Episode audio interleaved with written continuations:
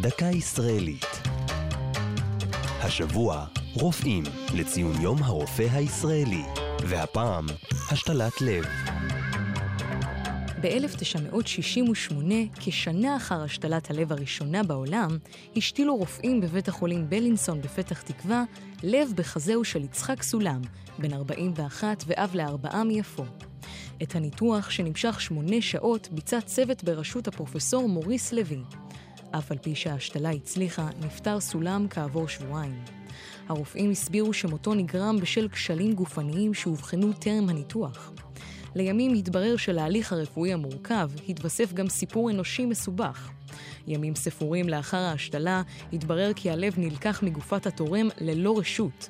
בני משפחתו של הנפטר, שהובהל לבית החולים לאחר אירוע מוחי, תבעו מהנהלת בית החולים להעמיד לדין פלילי את האחראים ללקיחת הלב. זאת למרות העובדה שהחוק, הדורש את הסכמת המשפחה ללקיחת איברים, לא היה אז בתוקף. מאז שונה החוק, והוא מחייב גם במקרים שהנפטר חתם על כרטיס לתרומת איברים. בעקבות הביקורת הציבורית הופסקו השתלות הלב בארץ, והן חודשו בהצלחה רק בסוף שנות ה-80. זו הייתה דקה ישראלית על רופאים והשתלת לב. כתבה מיקה נחטיילר, ייעוץ הפרופסור דן ערבות, ייעוץ לשוני הדוקטור אבשלום קור.